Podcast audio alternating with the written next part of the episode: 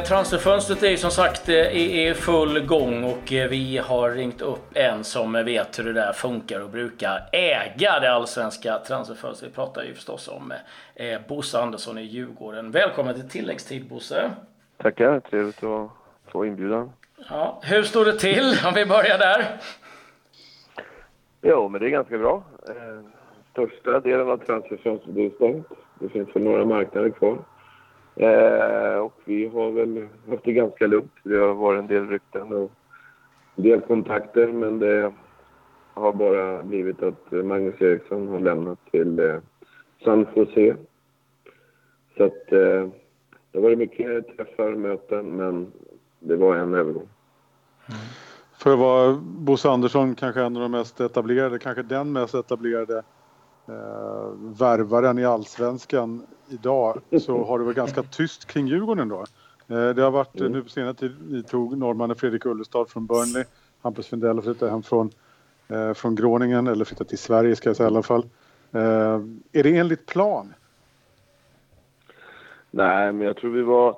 Man kan ju säga så här, vi hade ett bra sportsligt år förra året. Vi gjorde en, eh, en del spektakulära förvärv förra året. Och I synnerhet med Kim Källström och Jonas Olsson och Sen även eh, Felix Beijmo som, eh, som var jagad. Eh, så, så är det klart att har du lite sportslig framgång och Mange Eriksson lämnar och Kim väljer att avsluta så är det ju två ganska så stora profiler som lämnar och det är, liksom, det är inte så enkelt att ersätta.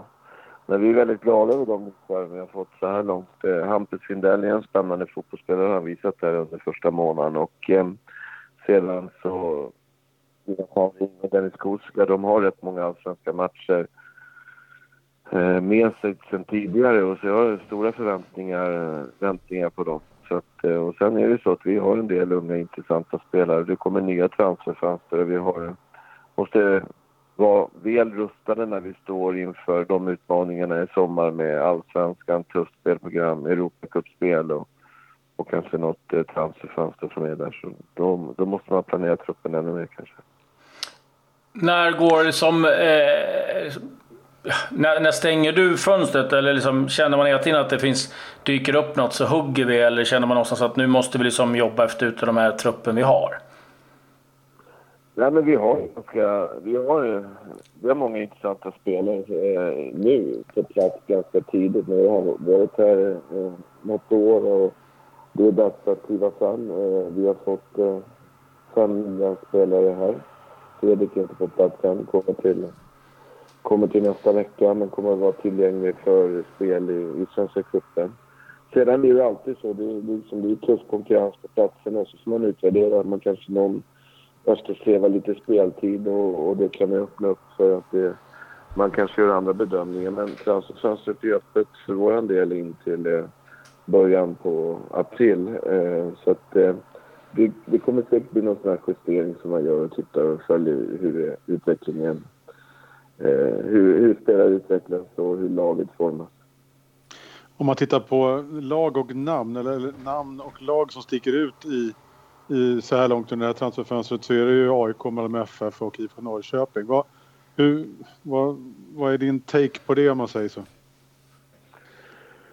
Nej, men Malmö har ju tappat väldigt många skickliga fotbollsspelare också. Det är väl ganska naturligt att de ersätter dem. Det, det, sen hittar man nya, nya, nya spelare med den kvaliteten så är det klart att de har värvat friskt. Men de, de har tappat väldigt många skickliga fotbollsspelare. Eh, och sedan AIK har gjort en, en ordentlig sportslig satsning. Det har inte undgått någon. Sen gäller det att få ihop ett lag om det där också. Och, eh, så det är klart att... Eh, och Norrköping har ju har ju samlat kraft för att liksom ta in eh, några spelare som Simon Thern och Jordan Larsson och, och, och, den biten. Jag tycker också, våra namn kanske inte är lika spektakulära men vi gjorde det förra året och eh, jag tycker vi ändå har en, eh, en spännande mix. Med den, ut, med den erfarenheten Bosse från förra året, vad, vad ser du utmaning som AIK till exempel har då med att sätta ihop det här, det här allt mer stjärnspäckade laget till ett, just ett lag? Ja, men det, det är alltid när man har många nya spelare. Det märkte vi av också förut. Och konkurrensen blir tuffare och, och eh, det, det gäller att ha en bra spirit i, i laget. Eh, det, det, är, det är en utmaning i sig oavsett om det är AIK eller Djurgården. Eh, det, jag tror alla lagen som, som spelar på övre halvan och har ambitioner så, så är det en tuffare konkurrens. Det är en bredare trupp. Eh, samtliga AIK, Malmö och, och Djurgården, vi ska ut och spela i Europa. Vi kommer i block där vi kommer att få spela väldigt, väldigt mycket matcher på kort tid och eh, då måste man ha en bredare trupp och, och, och eh, tuffare konkurrens för att kunna gå runt. Det måste man ändå säga. Titta på förra årets Östersund så hanterar de de där perioderna väldigt, väldigt skickligt. Om du tittar, eh, jag vet att du inte gillar att de andra lag eh, utifrån kanske på det sättet som vi gör, men om du som de värvningar som har gjorts av de andra lagen, vilken tycker du sticker ut? Nej, men jag tror det, Jag skulle vilja säga att eh, Simon Tern och Jordan Larsson i Norrköping tycker jag är, är väldigt spännande och, och bra fotbollsspelare sen eh, och eh, som jag tror kommer att passa in där. De har jag stor respekt för. Du har sedan många år tillbaka du har, har, har du varit delaktig i det här, de här fönstren och du vet ungefär hur klubbar agerar. Om du tittar in i spåkulan lite då, framåt den 4 april och transferfönstret stänger. Vad kommer att hända? Vilka lag kommer att vara aktiva? Vilka kommer vara nöjda? Är någon bomb på gång? Har du någon bomb på gång? Det är mycket snack om bomber och bomber och tic-tac. Men eh, man kan säga så här, jag tror att många av de här trupperna är eftersom det har blivit väldigt lite transfers i det transferfönster som blev. Det var Pontus Dahlberg som ändå är kvar i Göteborg, Magnus Eriksson som gick till San Jose och, och uh, dansken som gick till Belgien från Malmö. Sen blev det ju liksom inga andra transfer förutom att Malmö köpte någon från Östersund och Häcken och sånt där. Så har det varit väldigt, väldigt få transfer uh, ut, på utlandet. Sen har det många spelare som har lämnat uh, allsvenskan som Bosman. Det är klart att jag tror jag har svårt att se att det kan vara så mycket, det kan bomba så mycket mer i Solna och i, i Skåne. Eh, det har jag svårt att se, att det kommer att bli några... Så vi hade väl, om man ska jämföra förra året, när typ sådana som Kim Källström eller Jonas Olsson väljer att flytta hem efter långa framgångsrika karriärer. Jag har klart att det är bomber och bra namn och jag tror att det, det blir inte som förra våren i du, du äh du har ju eh, varit eh, med länge som sportchef eh, under många år. Det är olika nästan så trender. Man ska nu säga det var liksom ett tag var det väldigt mycket brassar och sen var det som eh, Afrikaspåret. Mm, sen var det hemvändarperiod. Det kändes nästan som hur, hur har det, arbetet förändrats för dig de senaste åren? Jag menar, marknaden blir ju inte mindre, den blir ju bara större och större och mer global. Mm.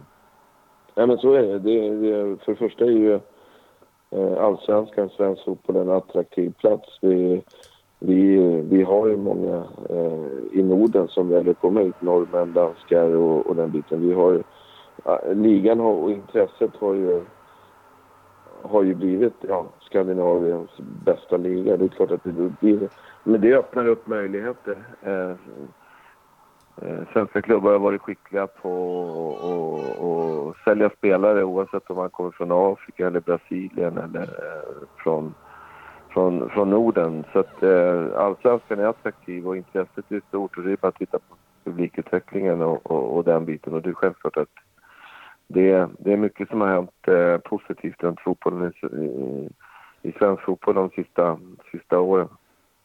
Innan vi avslutar bara, jag måste också undra är det något lag du är lite förvånad över att de inte har agerat mer så här långt?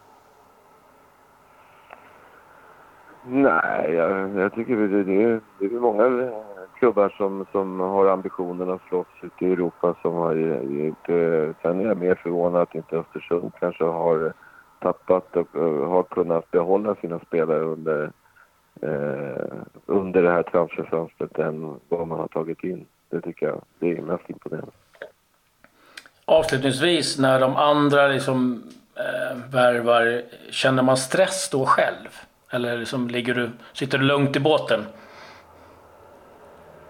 Ja, jag tror man alltid kommer i typer av olika faser och, och, och, och den biten. Ja, vi känner oss trygga med det sättet vi, vi jobbar. Eh, och eh, vi har stora förhoppningar på, på, på laget eh, Eh, 2018 och eh, jag tycker vi har väldigt många spännande fotbollsspelare. Det ser man på, Eh, ser man på träningar och vi såg det mot Helsingfors och även mot eh, Syrianska att vi, vi har en bred trupp och många unga spännande fotbollsspelare med en härlig mix med Olsson och Harris och Isaksson. Så att eh, vi känner oss väl förberedda tycker jag. Sen är det eh, var ska man hamna? Men eh, i, i, ligan, det är klart att vi, vi tyckte det var kul att slåss om Europa och lyckas med det förra året när vi gjorde en sportslig satsning. Så att vi ville vi vill ju fortsätta vara där uppe och slåss om de Europacupplatserna. Och det tycker jag vi har alla möjligheter att göra. Ja, jag har inget mer. Eh, Lyren, eh, har jag är du? väldigt, väldigt, väldigt, väldigt nöjd. Ja. Tack. ja, det ja, det är Bosse. Stort tack för att du tog dig tid. Tack själva. Ja, Bra jobbat. Tja. Ja.